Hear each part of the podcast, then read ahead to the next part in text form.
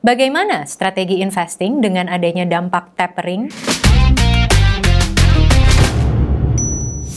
Di edisi Makroekonomi Outlook, ekonomi Rai Aset Sekuritas Indonesia, Anthony Kevin akan memberikan berbagai update terkait perkembangan perekonomian di global dan juga di Indonesia.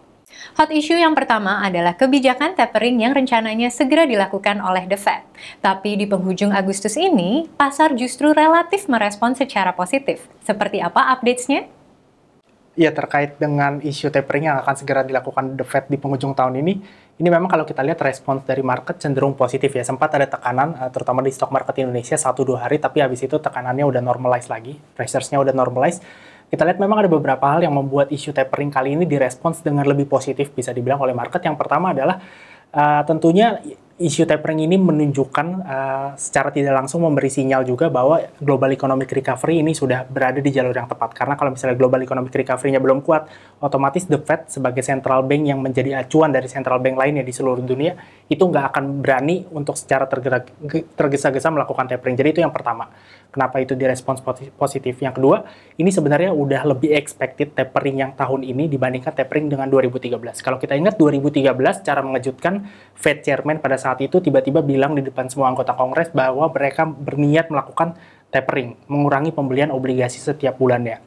Dan otomatis market pada saat itu karena nggak ada persiapan, relatif kaget sehingga ada tekanan yang besar di global financial market. Cuman untuk tapering yang edisi 2021 ini, memang beberapa pertemuan sebelumnya The Fed udah sounding bahwa akan ada some sort of tightening, sehingga ketika dikasih roadmap-nya oleh The Fed secara lebih awal di bulan uh, Agustus ini, market uh, bisa dibilang uh, lebih calm gitu tekanannya jadi lebih lebih reda dibandingkan dengan isu tapering pada tahun 2013 yang lalu.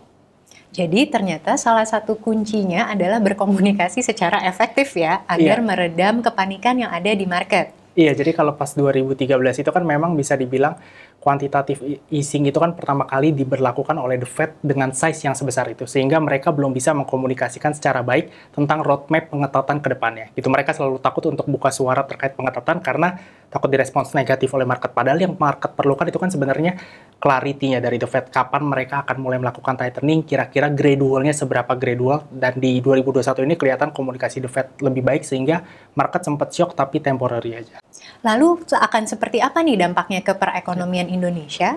Bagaimana dengan tingkat suku bunga dan sebaiknya apa sih yang diantisipasi oleh sahabat Mirai Aset? Uh, sebenarnya kalau kita berbicara dampak dari tapering ke real economy maupun juga untuk financial marketnya bisa dibilang tapering ini dampaknya memang relatif minim gitu terutama ke real ekonominya. Kenapa? Karena tapering ini memang suatu bentuk pengetatan dari bank sentral tapi bentuk pengetatan yang bisa dibilang paling soft. Jadi kita tahu di masa pandemi ini kan uh, penerbitan obligasi lagi susah gitu. Banyak orang menghindari instrumen yang relatif berisiko. Di situlah The Fed masuk dengan membeli obligasi gitu, obligasi pemerintah, obligasi korporasi, bahkan jang bond aja dibeliin sama The Fed. Tujuannya adalah likuiditas supaya banjir di pasar gitu kan, supaya aliran uang tetap ada di sendi-sendi perekonomian. Nah, tapering itu kan simply mengurangi jumlah obligasi yang dibeli The Fed setiap bulannya. Jadi sebenarnya stimulusnya masih ada, cuman size-nya nggak sebesar dulu lagi. Makanya in terms of impact ke real economy maupun ke financial market itu harusnya minim yang impactnya besar uh, baik ke real economy maupun financial market itu sebenarnya lebih ke kenaikan suku bunga acuan yang pertama karena ketika suku bunga acuan naik otomatis yield akan naik secara signifikan juga otomatis biaya penerbitan obligasi makin mahal ekonomi kena di situ financial market kena kedua kalau misalnya the Fed mau ngurangin size balance sheet-nya the Fed kan punya balance sheet nilainya mungkin 5-6 triliun Uh, dengan sekarang The Fed melakukan tapering, balance sheet ini sebenarnya nilainya akan terus naik. Tapi kenaikannya nggak akan sekencang periode sebelumnya. Gitu kan, karena namanya tapering kan. Mereka mulai mengetatkan secara gradual, mengurangi secara gradual. Uh, kalau misalnya balance sheet-nya itu size-nya dikurangi, otomatis kan uh, supply obligasi di pasar itu kan akan menjadi beredar banyak gitu. Dan ketika supply obligasi beredar banyak, balik lagi yield tinggi, ekonominya, real ekonominya juga akan ke Jadi sebenarnya in terms of impact, tapering itu nggak nggak akan signifikan banget karena dia sebenarnya masih ada stimulusnya, cuman nggak sebesar uh, nggak sesignifikan periode sebelumnya. Jadi impactnya akan relatif minim sebetulnya. Nah, sebagai tambahan, di satu sisi kekhawatiran dari para investor adalah ya. terkait likuiditas yang ada di emerging market. Apakah hal ini menjadi salah satu concern? Ya, sebenarnya kalau berbicara mengenai tapering, walaupun tadi saya bilang tapering itu bentuk pengetatan yang paling soft, tapi nyatanya kalau kita lihat 2013 itu kan juga sebenarnya impact-nya ke emerging economy itu kan kerasa banget gitu. Currency langsung melemah, stock market, bond market di emerging economy terutama di Asia itu langsung melemah, walaupun itu bentuknya masih tapering. Nah, cuman memang untuk 2021 ini agak beda dan itu mungkin kenapa respons dari isu tapering sekarang nggak gitu kelihatan nggak gitu di respons di market karena kita tahu pada saat 2008 The Fed melakukan QE sampai 2013 itu kan um, guna menstimulasi ekonomi Amerika yang pada saat itu kolaps. Jadi simpelnya 2008 adalah US economy overheating, US collapse, Eropa juga collapse karena bank-bank di Eropa banyak beli instrumen derivatif yang gagal bayar itu dari Amerika Serikat, otomatis US mati, uh, Eropa juga kehit, dan Asia pada saat itu adalah region yang nggak gitu terdampak okay. terhadap global financial crisis. Otomatis ketika QE dilakukan, likuiditas banjir di pasar. Orang nggak mau masuk ke Amerika, nggak mau masuk ke Eropa, masuknya ke Asia. Dan eh, itulah sebabnya ada tapering di tahun 2013. Asia kehit karena inflow yang masuk pada pada saat periode QE banyak. Gitu. Jadi ketika dilonggarin banyak inflow, begitu diketatin inflow-nya ini keluar semua Menjadi jadi outflow, outflow gitu. Makanya okay. kehit Asia di 2000 uh, eh, di 2013. Ya? Nah, cuman di 2021 kita tahu uh, COVID-19 pandemic itu kan Asia salah satu region yang paling parah. Makanya stock market, bond market di negara-negara Asia nggak gitu banyak sebenarnya kebanjiran dana asing di periode QE kali ini. Kita lihat okay. di Indonesia misalnya.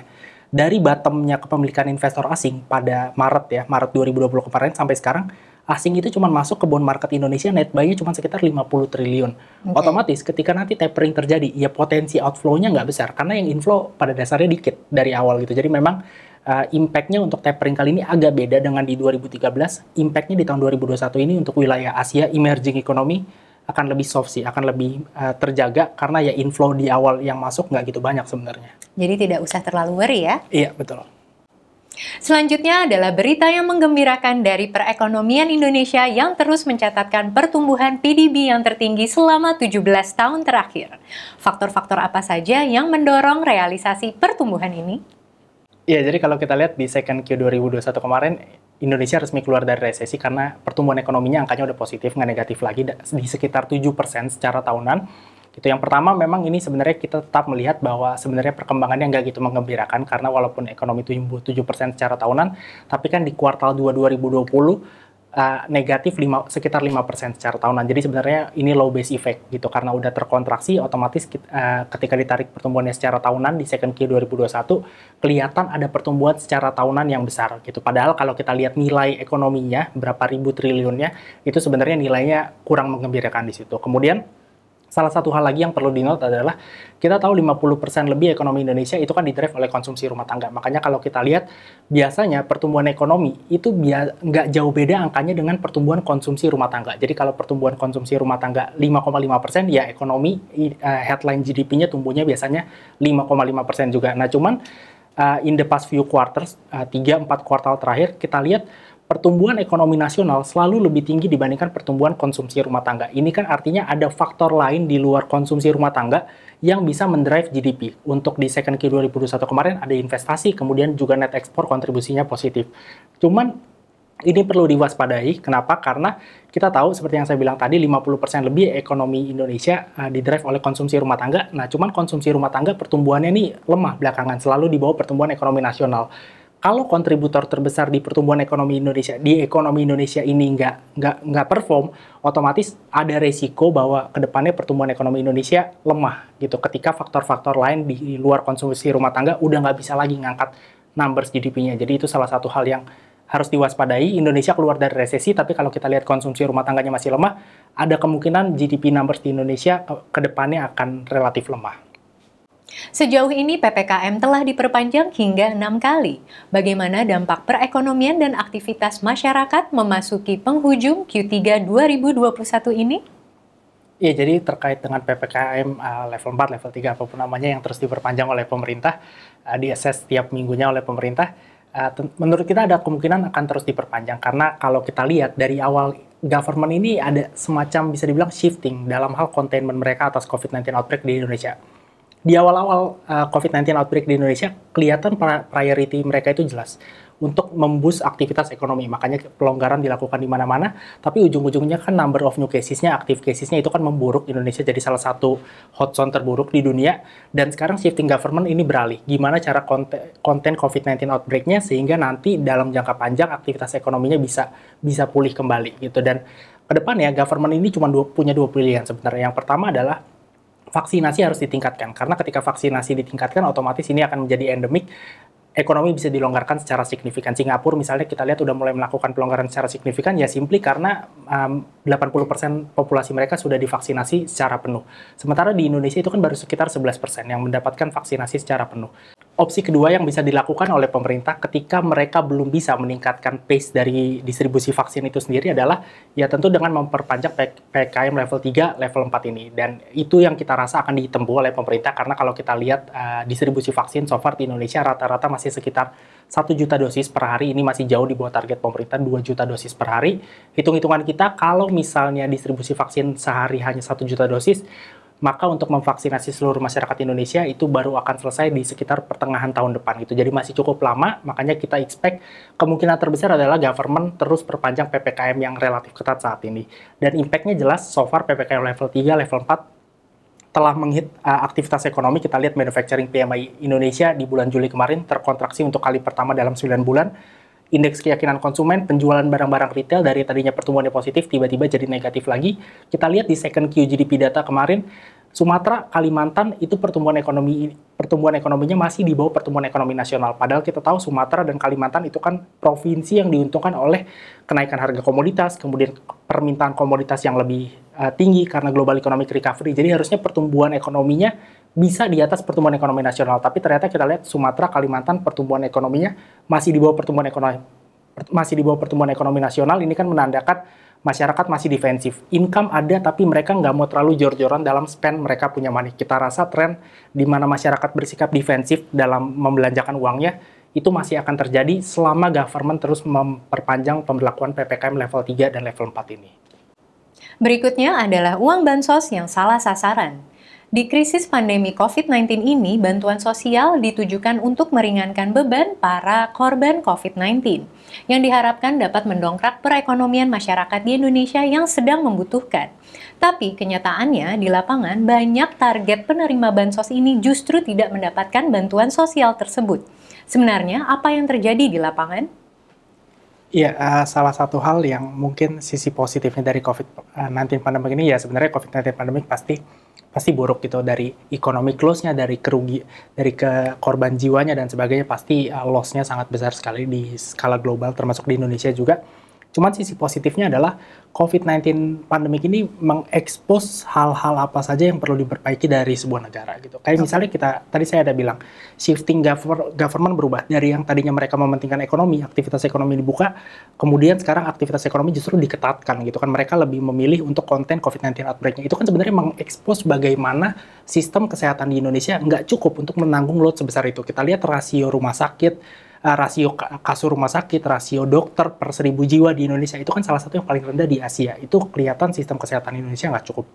Nah terkait dengan bansos ini yang salah sasaran, itu kan juga sebenarnya mengekspos bagaimana buruknya sistem pendataan di Indonesia. Padahal sebenarnya general idenya menurut saya sangat bagus ketika government pertama kali mencanangkan pembuatan IKTP. Jadi dengan satu numbers itu aja, mm -hmm. government bisa track uh, pendidikannya, kemudian riwayat hidupnya dan sebagainya, status income-nya seperti apa, apakah dia ber, uh, masuk kategori masyarakat miskin, perlu bantuan apa-apa, itu kan bisa di-track sebenarnya oleh government. Tapi pada kenyataannya, implementasinya, yang pertama masyarakat banyak juga yang belum punya IKTP, so that's one.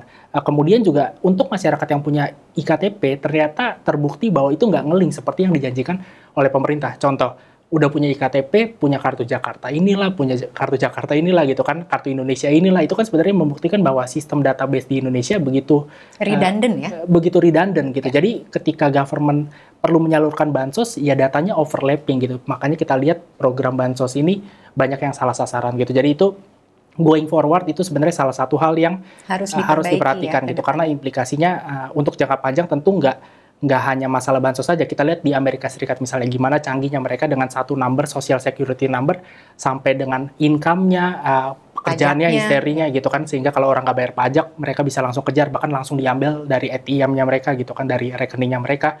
Gitu. Jadi implikasinya database yang bagus itu sebenarnya panjang banget dan Indonesia uh, sayangnya belum punya itu gitu dan sekarang terekspos secara besar-besaran dengan masalah bansos ini. So hopefully abis uh, COVID-19 pandemic ini ya government could do something about it dengan berbagai insight dan updates yang telah diinformasikan oleh Anthony Kevin, berikut adalah summary fokus untuk makroekonomi outlook. Uh, untuk para investor, kalau dari kacamata makronya saya melihat sebenarnya situasinya kurang favorable karena seperti yang saya jelaskan tadi, government punya dua option pada saat ini Uh, yang pertama, kalau misalnya mereka mampu, mereka harus percepat distribusi vaksin, tapi nampaknya belum ke situ arahnya, belum bisa government tingkatkan sampai 2 juta dosis per hari. Jadi kemungkinan yang paling besar adalah PPKM yang relatif ketat ini level 3, level 4 akan terus diperpanjang, otomatis aktivitas ekonominya juga akan ke hit. That's why recently kita ada downgrade economic growth projection untuk tahun 2021 dari kisaran 4 persenan. Sekarang kita expect ekonomi di tahun 2021 tumbuhnya di 3,86 persen, jadi di bawah 4 persen. Itu yang pertama, dari domestik baliknya saya melihat situasi kurang favorable sebenarnya. Cuman uh, sisi positifnya mungkin uh, kalau kita berbicara mengenai tapering, faktor eksternal, mungkin banyak yang takut bahwa dampak dari tapering di tahun 2021 ini akan semasif dampak tapering di tahun 2013. Tapi kalau menurut saya enggak, tapering pasti terjadi di, di dalam jangka dekat, either itu di akhir tahun ini apa ataupun awal tahun depan. Cuman saya berpikir impact-nya akan relatively kecil ke financial market Indonesia, either itu rupiah, stock market, atau bond market. Karena uh, salah satu alasannya adalah besaran inflow yang masuk ke besaran hot money yang masuk ke Indonesia pada periode kuantitatif easing tahun ini itu jauh lebih kecil dibandingkan yang masuk pada tahun 2008 sampai 2013 uh, lalu gitu. Jadi harusnya impact-nya uh, tapering kali ini akan relatif minim juga ke stock market Indonesia gitu. Jadi in general sebenarnya uh, kita nggak expect ada tekanan jual yang uh, besar banget ke stock market Indonesia dalam jangka dekat sampai menengah karena walaupun sentimennya cenderung negatif, uh, tapi menurut saya masih masih provide uh, some buying opportunities. Mungkin harus lebih selektif aja dalam stock picking yang ke depannya. Jadi untuk sahabat Mirai Aset, tetap cautious dan tetap selektif agar bisa strategi investasinya selalu cuan. Sampai jumpa di Superstock selanjutnya dan happy cuan!